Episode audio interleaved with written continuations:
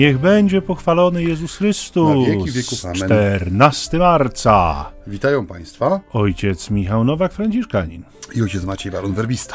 W cyklicznej, cotygodniowej, niedzielnej, poświęconej Ewangelii audycji Między nami homiletami, czyli ćwierć tony Sambony. ambony. Drodzy Państwo, y, jesteśmy z Wami jak co tydzień. Mamy szczerą nadzieję, że i Wy z nami, że spotykamy się na tych falach eteru Radia Niepokalanów. Y, No, jak zawsze, treścią naszych spotkań jest Ewangelia y, z niedzieli, więc nie tracąc czasu, myślę, że byłoby czymś słusznym, żeby ją y, przywołać, przeczytać i zrobię to ja w tej godzinie. Z Ewangelii według świętego Jana. Jezus powiedział do Nikodema: Jak Mojżesz wywyższył węża na pustyni, tak trzeba, by wywyższono syna człowieczego, aby każdy, kto w niego wierzy, miał życie wieczne. Tak bowiem Bóg umiłował świat, że syna swego jednorodzonego dał, aby każdy, kto w niego wierzy, nie zginął, ale miał życie wieczne. Albowiem Bóg nie posłał swego syna na świat po to, aby świat potępił, ale po to, by świat został przez niego zbawiony. Kto wierzy w niego, nie podlega potępieniu, a kto nie wierzy, już został potępiony, bo nie uwierzył w imię jednorodzonego syna Bożego. A sąd polega na tym, że światło przyszło na świat, lecz ludzie bardziej umiłowali ciemność aniżeli światło, bo, bo złe były ich uczynki. Każdy bowiem, kto źle czyni, nienawidzi światła i nie zbliża się do światła, aby jego uczynki nie zostały ujawnione. Kto spełnia wymagania prawdy, zbliża się do światła, aby się okazało, że jego uczynki zostały dokonane w Bogu. Oddaję głos do studia. Proszę bardzo. czy ojciec myśli czasem o wieczności? Czasem myślę. Y, I co ojciec myśli o wieczności? Proszę ojca, y, o wieczności myślę, że y, ona y, się zaczyna dziś i y, y, przyznam szczerze, przyznam szczerze, że, że y, no, niepokoję się trochę. Za- Zakłopotałem ojca tym pytaniem. Nie, nie, nawet nie tyle mnie ojciec zakłopotał, co odpowiedź we mnie jest. Ja się trochę niepokoję, bo, bo zawsze myślę w perspektywie sądu i tego, że, że jakby to moje A, to życie. ojciec ma poprawne myśli. No, to moje życie jest jednak takie liche w mojej osobistej ocenie i, i w związku z tym zastanawiam się, na co ja sobie tam y, y, zasłużę, na jakie słowo ze strony mojego Pana. Ufam w Jego miłosierdzie nieskończone, ale mimo wszystko nie ufam zuchwale i zdaję sobie sprawę, że wiele mam do zmiany tutaj jeszcze na tej ziemi. No moje pytanie prowokacyjne troszkę. Tak. E, Kiedy przygotowywałem sobie jakieś myślątka do naszych spotkań tutaj tym razem w Radio Niepokalanów, zatrzymałem się nad tym zdaniem, które wybrzmiewa na początku perykopy dzisiejszej. Mianowicie, żeby każdy, kto w niego wierzy, e, miał życie wieczne. I y, mam takie przemyślenia ostatnio swoje proboszczowsko-duszpasterskie, związane z naszym przeżywaniem już drugiego Wielkiego Postu doby pandemii, który no, jest siłą rzeczy odmienny od tego, co, co no, zwykliśmy doświadczać. Y, Już chociażby przez to, że inaczej wyglądają nasze nabożeństwa, są skromniejsze, są mniej też licznie nawiedzane przez wiernych, to jest pierwsza rzecz. Ale druga rzecz jest taka, że y, no, większa część tego Wielkiego Postu jednak y, dokonuje się, w, no chciałbym przynajmniej tak wierzyć, że w ciszy serca, w sensie, że tej, w tej izdebce, o której y, czytaliśmy na samym początku y, czasu okołopostnego, żeby tam dokonywały się te uczynki, bo tam widzi ojciec, który widzi w ukryciu i który nam oddaje. I y, czasami sobie tak pomyślmy, mamy taki mały krąg dyskusyjny na parkingu y, z osobami, które uczestniczą w nabożeństwach i y, no właśnie ostatnim, ostatnim akcentem, który wybrzmiał w czasie jednej z tych rozmów, była właśnie taka e, no, intuicja moja też, ale w sumie nie tylko moja. Mianowicie, czy my y, przeżywamy ten wielki post w perspektywie wieczności, jako przygotowanie do wieczności. To znaczy, ym, ym, o co mi chodzi? Już tłumaczę. Kiedy rozmawia się dzisiaj z ludźmi, którzy doświadczają w sposób mniej czy bardziej dojmujący tych wszystkich ograniczeń, które wciąż no jednak są jakimś tam tematem przewodnim naszych rozmów i sposobu bycia, 95% e, ludzi wyraża takie pragnienie, żeby kiedy to wszystko się skończy, żeby wróciło to, co było. O, o, o, o. Nie? Że Dokładnie. punktem dojścia naszego jest powrót do Tak, przeszłości. Tak. że ta sytuacja gdyby do niczego nas nie zabiera, e, więcej nie ma w nas pragnienia, żeby było coś nowego, Naszym pragnieniem jest taki trochę, no, y, y, powiedzmy, y, ruch charakterystyczny dla starszych osób, kiedy to najczęściej szuka się pocieszenia we wspomnieniach dzieciństwa. Mhm. Kiedy to idealizuje się dom rodzinny, pierwsze dziecięce przyjaźnie, smaki dzieciństwa, zabawy z rówieśnikami. Wszystko wtedy było dobre. I teraz, kiedy rozmawia się właśnie, czy rozmawiam z ludźmi, no to najczęściej, kiedy prowadzimy tak zwany small talk, czyli takie rozmowy, które no nie są rozmowami w kancelarii o sprawach poważnych, tylko są rozmowami właśnie chociażby na parkingu, to najczęściej tym akcentem kończącym jest to wyraźnie akcentowane i wypowiedziane pragnienie powrotu do tego, co było. Oj, proszę księdza proboszcza, żeby to już było tak, jak było wcześniej, żeby to już było tak, jak było 5 lat temu, żeby to już wróciło do tego, co było. Jak było, tak było, ale było lepiej niż teraz, nie? Mhm. I y, kiedy wróciłem do siebie, do, do, do pokoju i usiadłem nad kartką papieru, żeby coś tam sobie spisać i zanotować właśnie z myślą o naszych tutaj spotkaniach, y, no, y, zauważyłem, że to jest takie myślenie idące bardzo w poprzek Ewangelii że Ewangelia, kiedy ją przyjmujemy, ona nas zdecydowanie i tak bardzo zero-jedynkowo y, no, pociąga w kierunku rzeczywistości, która nie będzie tym, co było. I jeżeli my już tutaj na ziemi mamy, tak jak ojciec powiedział, bo nasza wieczność zaczyna się dzisiaj, żyć prawdą Ewangelii, szczególnie w tym czasie mocnym, czasie Wielkiego Postu, no to właśnie powinno w nas być to pragnienie doświadczania tego, czego jeszcze żeśmy nie doświadczyli.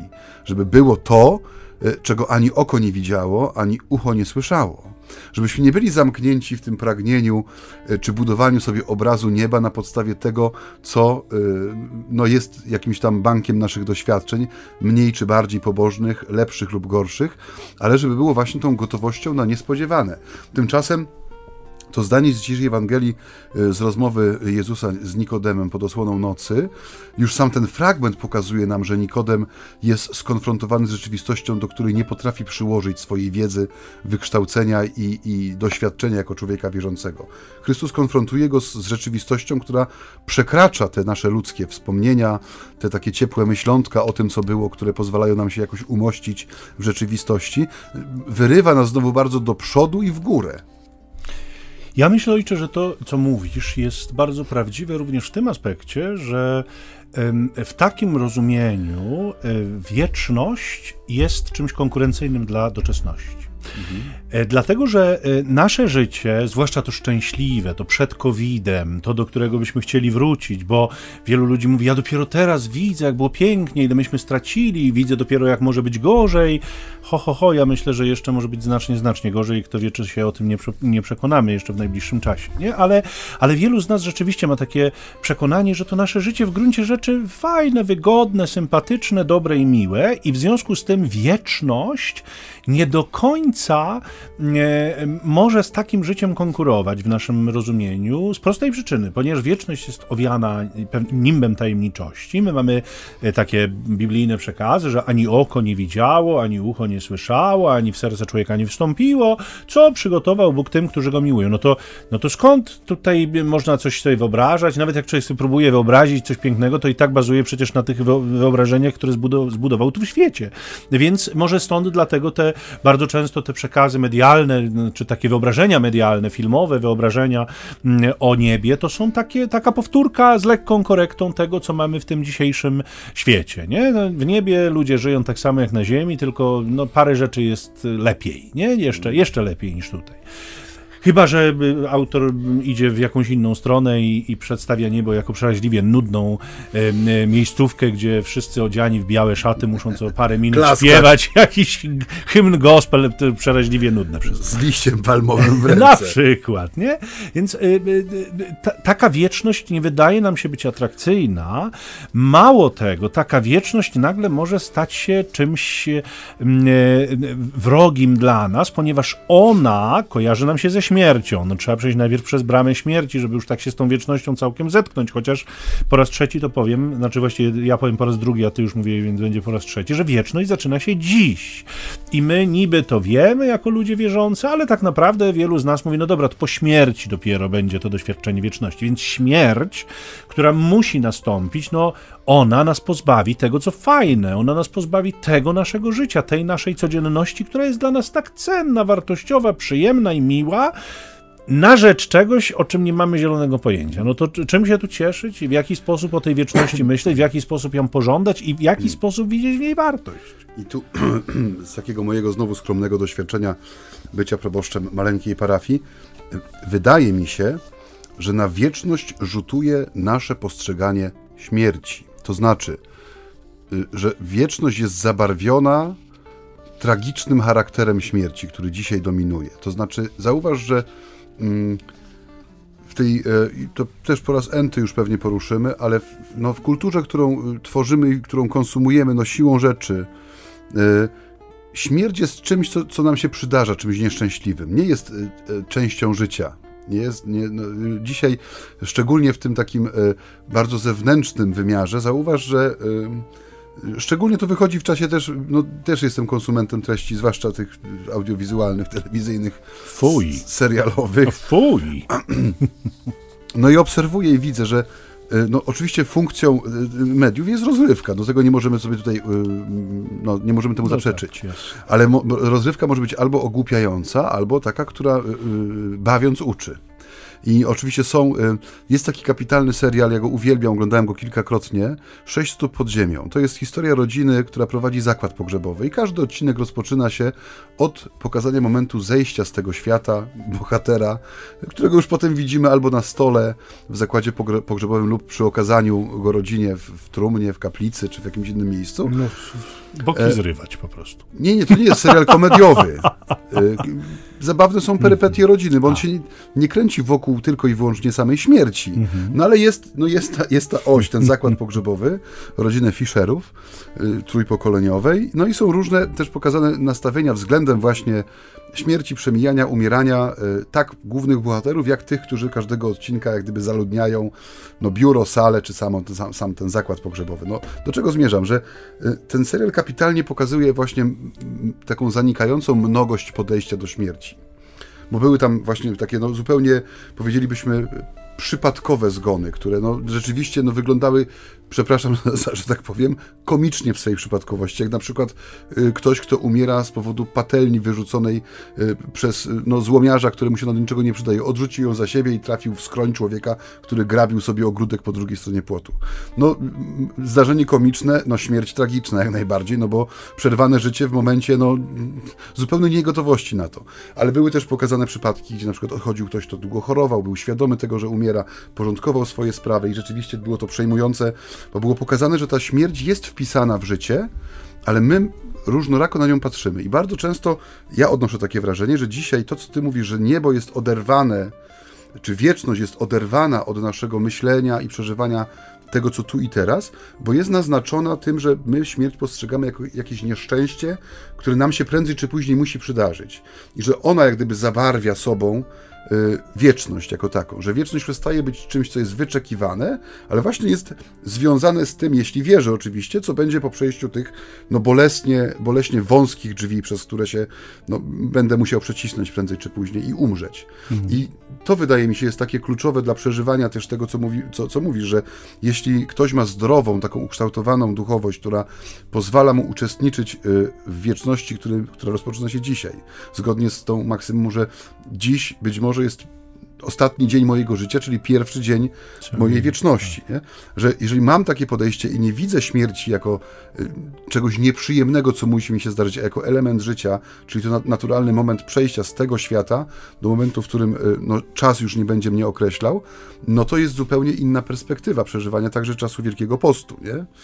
Y, I to słowo, które mamy dzisiaj na czwartą niedzielę, no ono w jakiś sposób nas podprowadza pod tą refleksję, w jaki sposób moja relacja z Panem Jezusem, moje przeżywanie też prawdy Wielkiego Postu, czyli prawdy krzyża, prawdy śmierci, na ile ono kształtuje mnie przez te 40 dni już w przeżywaniu, czy antycypowaniu, jak to się tak mądrze mówi, wieczności, do której jesteśmy wszyscy mhm. powołani, zaproszeni i siłą rzeczy tam przynależymy.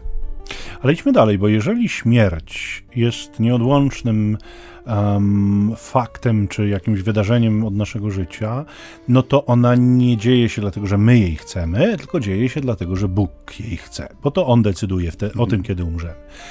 A więc ostatecznie winnym tej sytuacji, że umieramy i przechodzimy do wieczności, ku której wcale nie mamy ochoty hmm, się wybierać, bo na ziemi jest tam całkiem dobrze, mm, no jest On.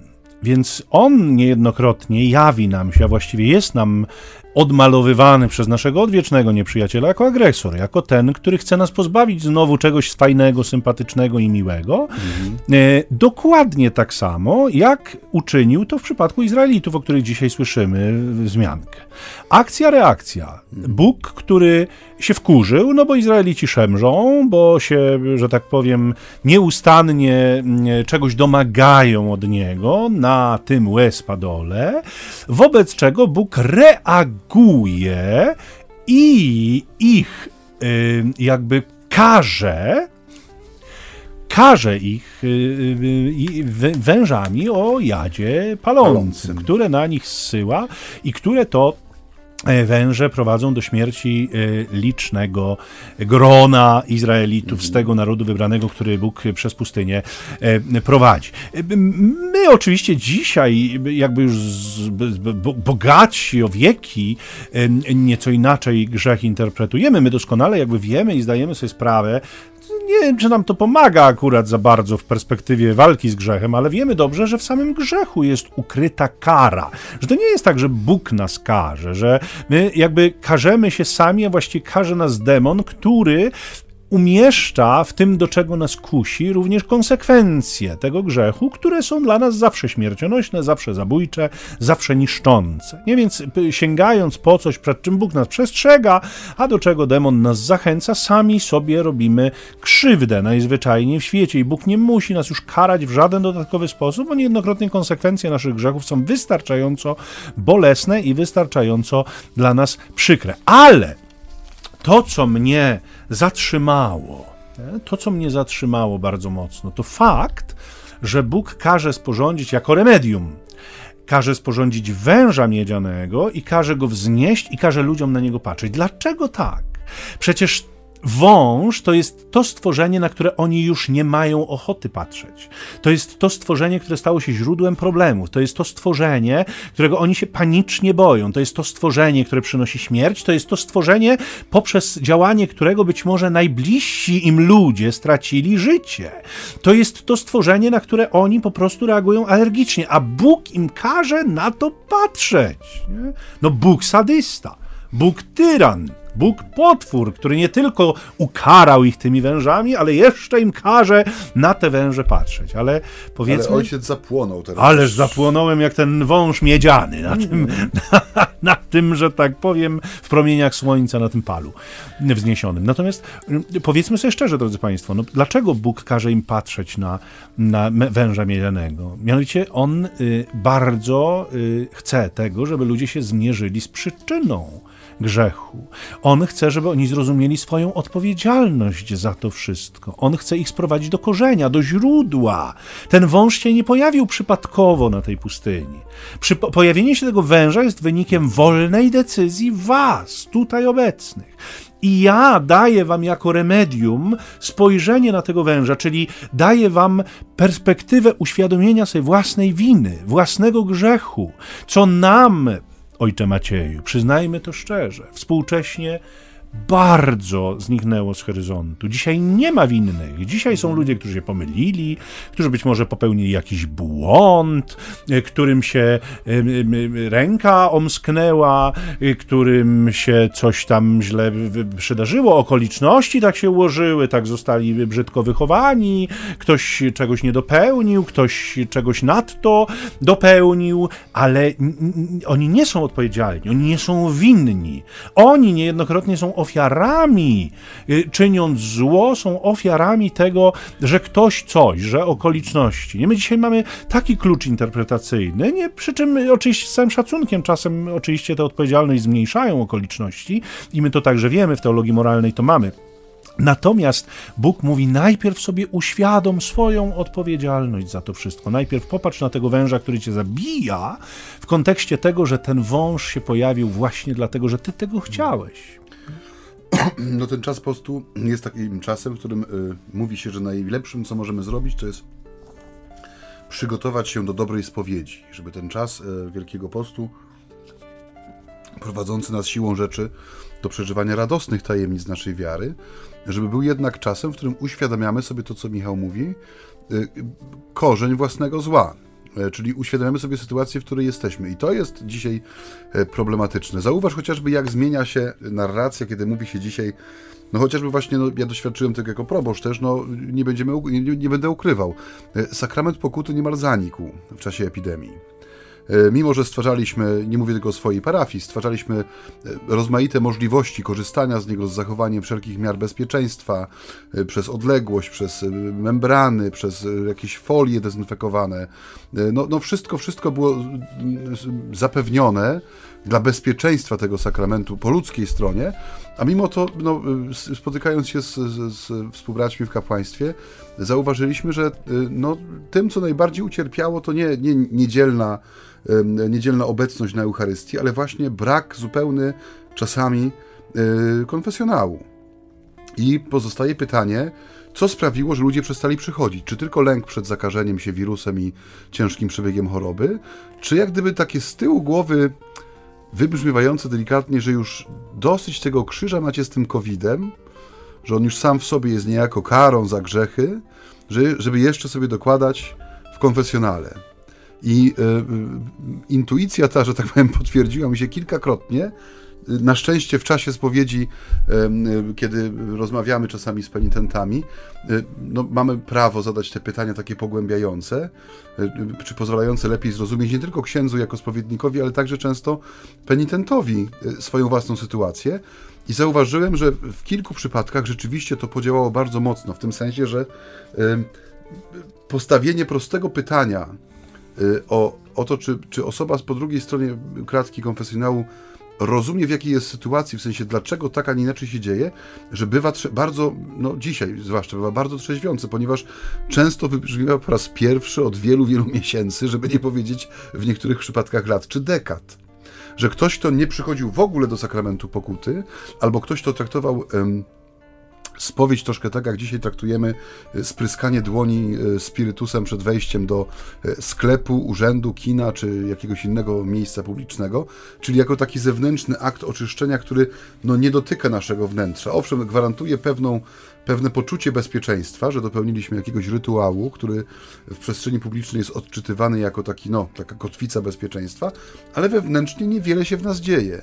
I to, co dzisiejsza Ewangelia i to odwołanie się do węża, który z jednej strony będąc przyczyną cierpienia, staje się jednocześnie kluczem do zrozumienia sytuacji, w której tkwie, że to jest no, ten geniusz Ewangelii i jej ciągła aktualność się y, tutaj uobecnia, nie? że y, człowiek jest zaproszony, tak jak mówisz, w grzechu jest często wystarczająca, że tak powiem, nauka i na pewno odczuwalna kara.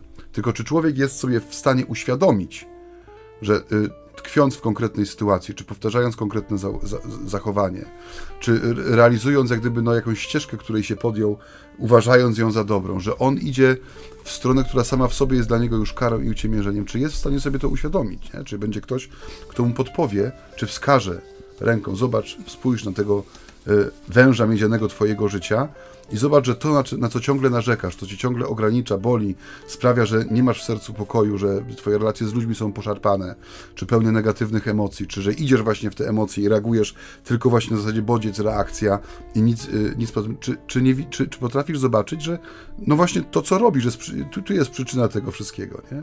Że nie ma sensu szukać pytania gdzieś poza hen, bo często odpowiedź jest no, we mnie, tutaj już, nie? Na miejscu, w tej konkretnej sytuacji kryje się odpowiedź na pytanie, którego często nie mamy odwagi odwagi sobie postawić. Graj, jednooki cyganie. Mhm. Myślę, że czas najwyższy, żebyśmy Państwu dali odetchnąć od słowa. odrobinę chociażby i niech ta chwila muzyki to Wam umożliwi. Nad trudem człowieka, nad zachwytem i tęsknotą, nad wszystkimi naszymi drogami. Rozpostarł Pan niebo jak ogromne namioty i innego domu nie mamy. Jesteśmy Boży Cyganie, jesteśmy wieczni wielczymi, tęsknotą gnani, Boży Cyganie, bezdomni, ale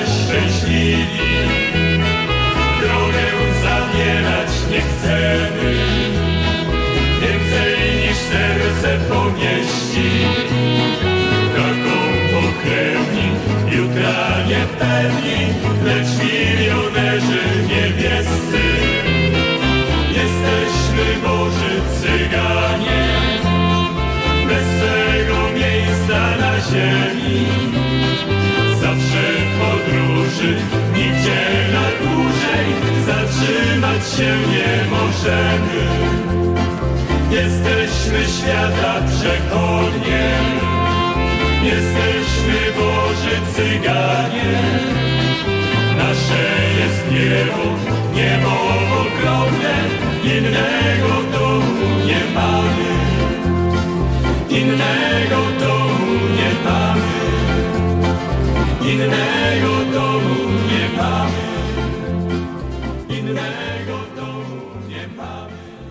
I witamy Państwa po krótkiej muzycznej przerwie.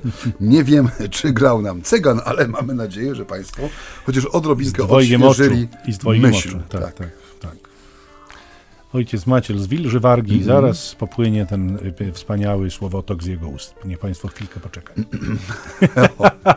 Ojciec celowo, tak mówi, już wypił całą wodę w studiu dzisiaj.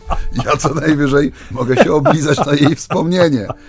A, nie szkodzi, nie szkodzi. Jeszcze po kropelce, jeszcze po kropelce. Tam coś jeszcze na dnie zostało.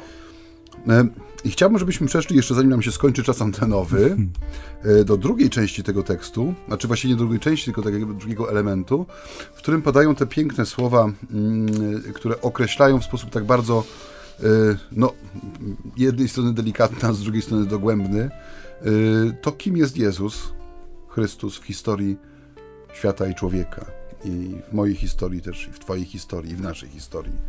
Czyli to zdanie, które wybrzmiewa tak bowiem Bóg umiłował świat, że Syna swego jednorodzonego dał, aby każdy, kto, go, kto w Niego wierzy, nie zginął, ale miał życie wieczne. I y, po raz kolejny odwołam się do tego, co mówiłem na początku. Nie? Czy w nas jest pragnienie wieczności? To znaczy, czy my naszą relację z Jezusem przeżywamy w, tej, w ramach tego zdania? Jest, jest taki ładny, taki bołmot kościelny, że gdyby spłonęły wszystkie egzemplarze Pisma Świętego Starego i Nowego Testamentu, a pozostało tylko to jedno zdanie, Jana 3, 16, to mielibyśmy nadzieję, mielibyśmy się o co zaczepić, nie? Że, że to jest zdanie, które jest taką Ewangelią w pigułce, a jednocześnie jest przypomnieniem człowiekowi, jest takim rzeczywiście źródłem światła. Jeśli ktoś tkwi w jakiejś duchowej ciemności i ma wątpliwości co do Bożego planu względem świata, czy względem mnie konkretnie, bo widzę swoje życie, które jawi mi się jako pas, pasmo e, nieszczęść i cierpienia i udręki, i niepowodzeń, i upadków, i braku motywacji, co często teraz właśnie wybrzmiewa w niektórych sytuacjach, nie? Czy, czy ja potrafię z tego zdania to, to światło nie tylko wydobyć, ale przede wszystkim pozwolić, żeby ono mi oświetliło no, moją konkretną sytuację, zwłaszcza jeśli chodzi o te pytania takie e, no, poważne, w sensie pytania, które dotyczą kierunku życia, rozumienia jego sensu, jego wartości, także we własnych oczach, nie? Mm, że ta Ewangelia i ta cała rozmowa z Nikodemem, która no jest takim y, tekstem, który no może służyć wielką pomocą, zwłaszcza dla ludzi szukających, czy którzy, y, nie wiem, powątpie, powątpiewują, czy w jakiś sposób szukają swojej drogi, że ten tekst y, na dzisiaj, który jest nam dany, że on jest takim przepięknym przypomnieniem no, tego, o co w tym wszystkim chodzi, po co to wszystko, nie? Po co, to po co zachęta do tego, żeby być blisko Bożego Słowa? Po co zachęta, żeby poprzez y, y, przeżywanie sakramentów w Kościele y, odnajdywać w nich tą czułą miłość Boga, to człowieczeństwo Jezusa, które jest tak blisko mnie i moich spraw? Po co to wszystko? Nie? Że, że to życie, o którym mówimy, ta wieczność, o którą żeśmy zahaczyli, że to nie są tematy abstrakcyjne, że dla człowieka wierzącego, który świadomie przeżywa każdą chwilę swojego życia, to są sprawy życia i śmierci. I Wielki Post jest czasem życia i śmierci, w tym sensie, że od jego przeżycia, jak gdyby co roku, y, też zależy to, czy ja wzrastam w tym rozumieniu tego, po co ja jestem, po co ja jestem ochrzczona, po co jestem ochrzczony, jaki jest sens co niedzielnej Eucharystii, jaki jest sens sakramentu pokuty, który odnawia we mnie łaskę chrztu, który sprawia, że ta, ta prawda Ewangelii w moim życiu no, ma konkretne ślady, znamiona, znaki, które noszę na sobie, nie? Że, że jestem też czytelnym znakiem dla drugiego człowieka, czy dla swoich bliskich, czy dla y, tych, którzy budują daną kongregację, parafię, cokolwiek. Że to są wszystko sprawy bardzo istotne, nie? że to nie są gdzieś oderwane od rzeczywistości ślady, echa, jakieś alegorie, tylko to jest, no mówię, sprawa życia i śmierci, dosłownie, nie? To jest y, y, piękny obraz, skądinąd bardzo lubiany przez Jana, światło i ciemności, te y, przeciwieństwa, które mm, no, bardzo wyraźnie pokazują też no, plan demona, nie? plan złego ducha, któremu, którego marzeniem i pragnieniem jest utrzymywać nas w ciemności. Mm, ciemność, y, y, szarość, to wszystko, co z ciemnością związane, jest y, takim znakomitym środowiskiem do tego, żeby nas łowić, nie? do tego, żeby, żeby nas oszukiwać, żeby nas zwodzić. To jest ciemność i, i, i, i ewentualna szarość, taka, kiedy światło się jeszcze nie przebiło, to jest czas miraży, nie? to jest czas tych wszystkich tak takich złudzeń, zjaw, tego wszystkiego, czego tak naprawdę nie ma, co demon rozsiewa czy roztacza przed naszymi oczami. Te obrazy, które mają nas zafascynować, które mają nas e, tak naprawdę związać z ziemią, bo mówiliśmy u początku tej wieczności, która nie budzi tęsknoty w nas i w związku z tym wiążąc nas z ziemią, mają całkowicie nas zneutralizować jako chrześcijan. Ciemność jest tą e, przestrzenią, w której wielu z nas dzisiaj czuje się, tak w cudzysłowie, bezpiecznie, nie? bo to jest takie, taka przestrzeń, w której jakby nie widać, zwłaszcza tego, mm, co sami wiemy, że jakiś, w jakiś sposób kala nasze sumienie. Wiemy doskonale, że ludzie, którzy są uwikłani w grzech, zrobią wszystko, żeby ten grzech nie ujrzał światła dziennego. Najlepszym przykładem jest król Dawid biblijny, nie? który mm, e, tak bardzo próbuje ukryć cudzołóstwo z Batrzebą, z którego poczęło się dziecko, że próbuje wrobić w ojcostwo jej legalnego męża, Uriasza Hetytę, który poprzez swoją sprawiedliwość, nie poprzez taką czystość wewnętrzną nie daje się wmanewrować w ten układ, co przypłaca życiem, a Dawid posuwa się do morderstwa po to, aby ukryć ten swój wcześniejszy grzech. To jest takie zwarcie między ciemnością a światłem. To jest tak czytelne i tak niezwykle piękne, że obrazuje nam jakby skutek, nie? skutek grzechu w nas. Grzech jest umiłowaniem ciemności. To jest smutna uwaga Jezusa, że ludzie bardziej umiłowali ciemność, nie? że ludzie wolą tkwić w ciemności, po to, żeby jednak może nie widzieć za dużo, po to, żeby w jakiś sposób tam nie wyszły na jaw te ich uczynki, nawet wobec nich samych, ja już nie mówię tam przecież nie, nie o innych, żeby to stało się jawne dla świata, ale żeby dla nas samych nie, stały się one jawne, bo to domagałoby się jakiejś reakcji, nie? bo to być może domagałoby się pewnego wysiłku nawrócenia, bo to domagałoby się wysiłku zmiany w naszym życiu, a na to nieszczególnie mamy ochotę. Nie? Tłumaczenie sobie, że nie mamy siły, nie mamy czasu, nie mamy, ciągle czegoś nie mamy, nie? Żeby, żeby dzisiaj zacząć. Nie? I oczywiście w tym kontekście demon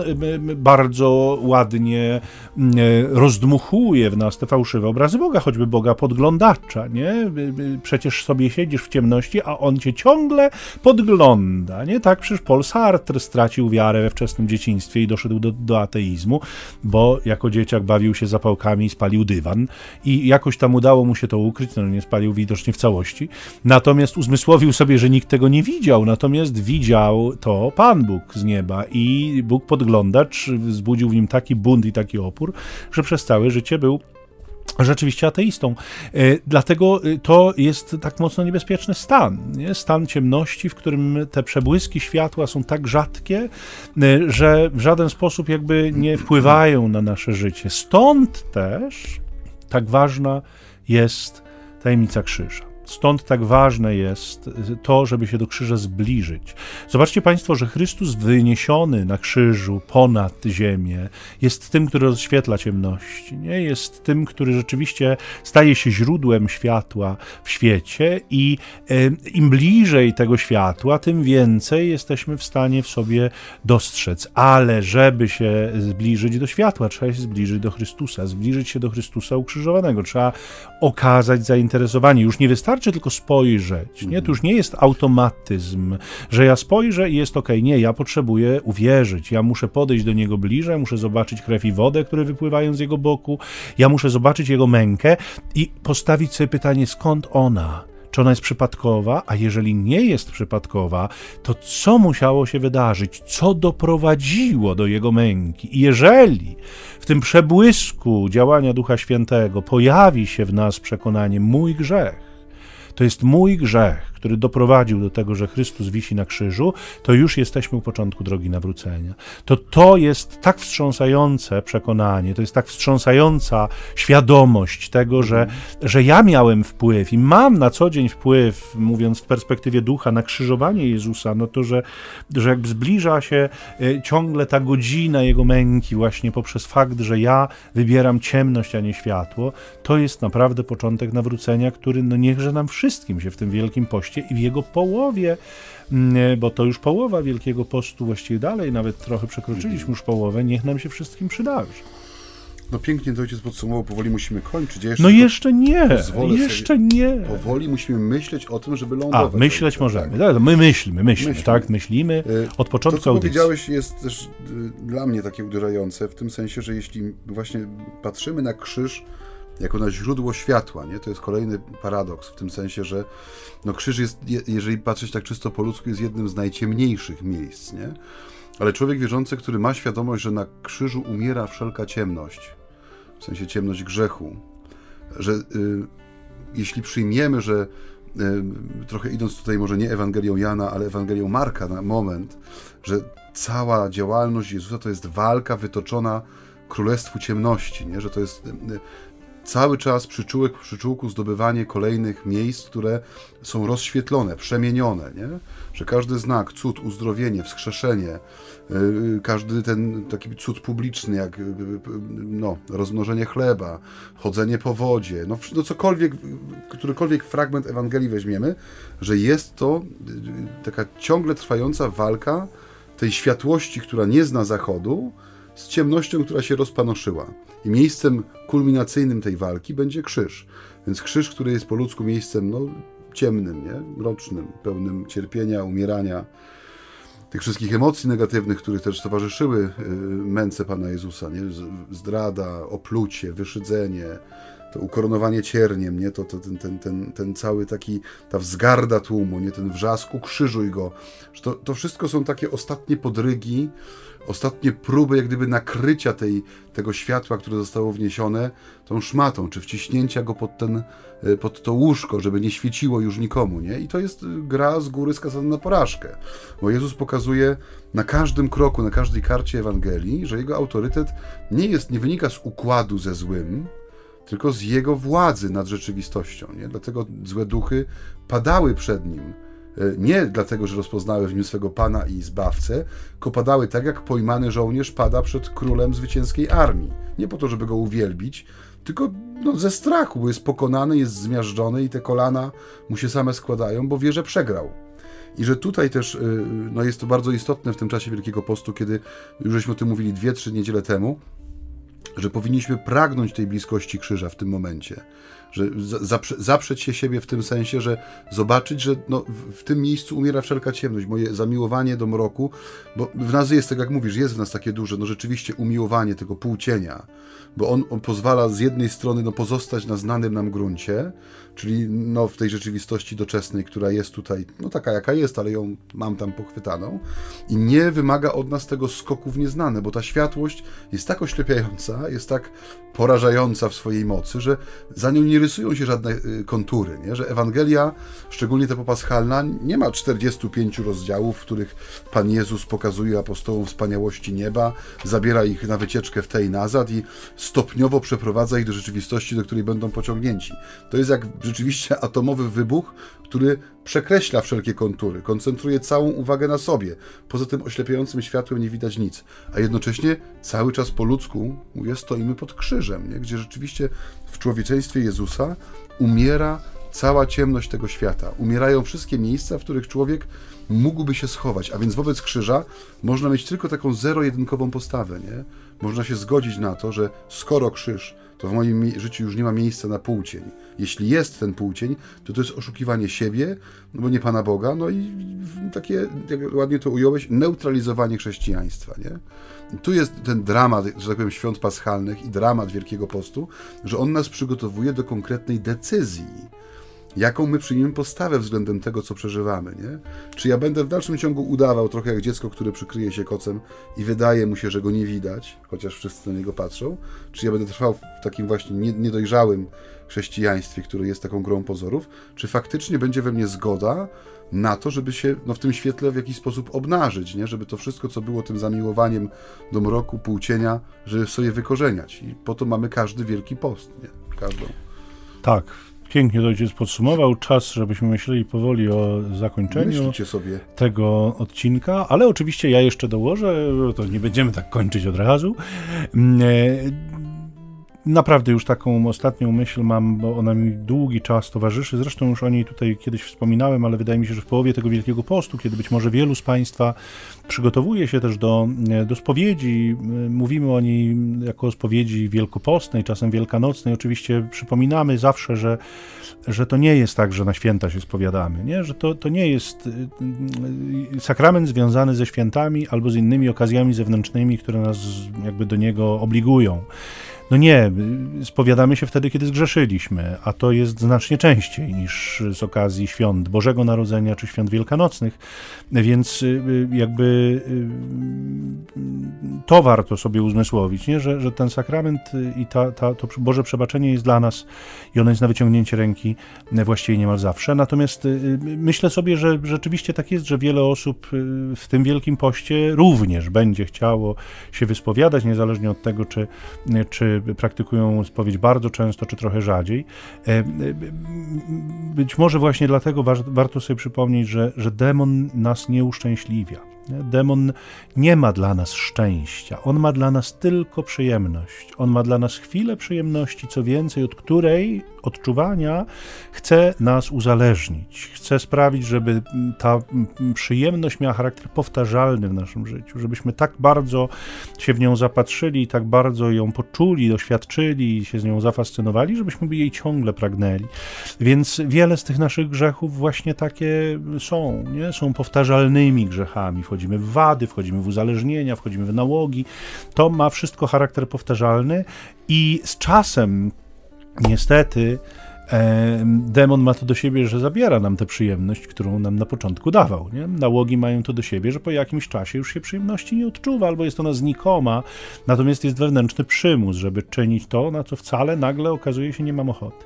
Więc miejmy tego świadomość u samego początku, kiedy pojawia się myśl o przyjemności. Rozważajmy, sama przyjemność nie jest zła oczywiście, żeby dobrze jakby mnie tu Państwo rozumieli, ale rozważajmy, czy to, co się za nią kryje, czy ten czyn, który do niej prowadzi, czy to, co mam w związku z nią E, e, uczynić, zrobić, e, powiedzieć, wykonać, pomyśleć, czy to ma jakby wektor moralny dodatni czy ujemny, to znaczy, czy to jest coś dobrego, czy to jest coś złego, nie? czy to pochodzi od ducha Bożego, czy to pochodzi od złego, bo jeżeli przyjemność pochodzi od złego ducha, to ostatecznie zawsze prowadzi nas do niewoli, to ostatecznie zawsze prowadzi nas do spętania jakiegoś, to ostatecznie nigdy nie da nam prawdziwego i ostatecznego szczęścia. I, i, i z tą przestrogą do samego siebie, ale i do Państwa, którzy nas słuchacie, pozwolę sobie Was zostawić. Jeśli ojciec Maciej ma jeszcze coś do dodania, to to jest ostatni Ostatnia moment. okazja, ostatni tak. moment. Nie, ja już nic nie chcę dodawać, ponieważ wygadaliśmy się, wydaje mi się, dzisiaj wyjątkowo no obydwaj. Tak. Trochę nam E, się udało. Mm, Niech ten czas będzie dobry dla Państwa, w tym sensie dobry, e, że prowadzący nas do czynów, które i wyborów, które pozwolą nam rzeczywiście radować się tym światłem, które e, już niedługo radośnie e, nam zapłonie i które wyśpiewamy w tym radosnym Alleluja. I żebyśmy rzeczywiście czuli się w tym czasie częścią tej zwycięskiej drużyny, jak to się często e, też powtarza w czasie e, wielkanocnym. Zapraszamy Państwa do tego, żeby e, uczestniczyć też w tym, w tym naszym tutaj życiu radiowym y, za pośrednictwem innych nośników. Ja zareklamuję jeszcze na koniec y, naszą stale rosnącą też y, społeczność, chociaż jeszcze nie można powiedzieć, że jest to jakaś tłumna rzeczywistość, ale y, Ciągle elitarne. Elitarna, tak.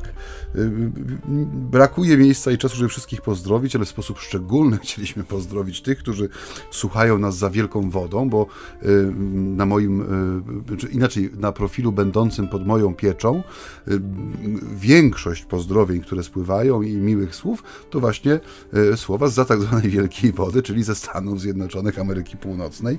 Ale pozdrawiamy wszystkie te miejsca, gdzie nas y, dzięki y, serwisom takim jak Spotify, iTunes czy Google Podcast można posłuchać. Zachęcamy do tego też, żeby y, trochę włączyć się może w upowszechnianie tego i czasami udostępnić link do audycji, czy może podesłać go e, swoim znajomym czy krewnym, żeby posłuchali, jeśli im to będzie odpowiadało, żeby też się e, włączyli w tą naszą społeczność, bo nie ukrywam, że jest to radość, kiedy można pod... e, Zauważyłem, że e, coraz częściej pojawiają się takie małe dyskusje pod zapowiedziami audycji, czy właśnie w formie krótkiej recenzji, podziękowania.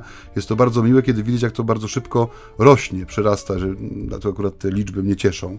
E, Więc zapraszamy do tego bardzo serdecznie i wszystkich, wszystkich, którzy przez 60 sekund i dłużej e, pozostają na łączach, e, serdecznie pozdrawiamy i cieszymy się Państwa obecnością. Tak, no dziś dowiedzieliśmy się właśnie, że zwłaszcza przez serwis Spotify najwięcej słuchaczy notujemy ze Stanów Zjednoczonych, stąd też rzeczywiście cieszymy się Waszą obecnością z każdej części świata, bo są różne inne także części świata. Holandia podobno też nas słucha, co ciekawe, m, bardzo miłe.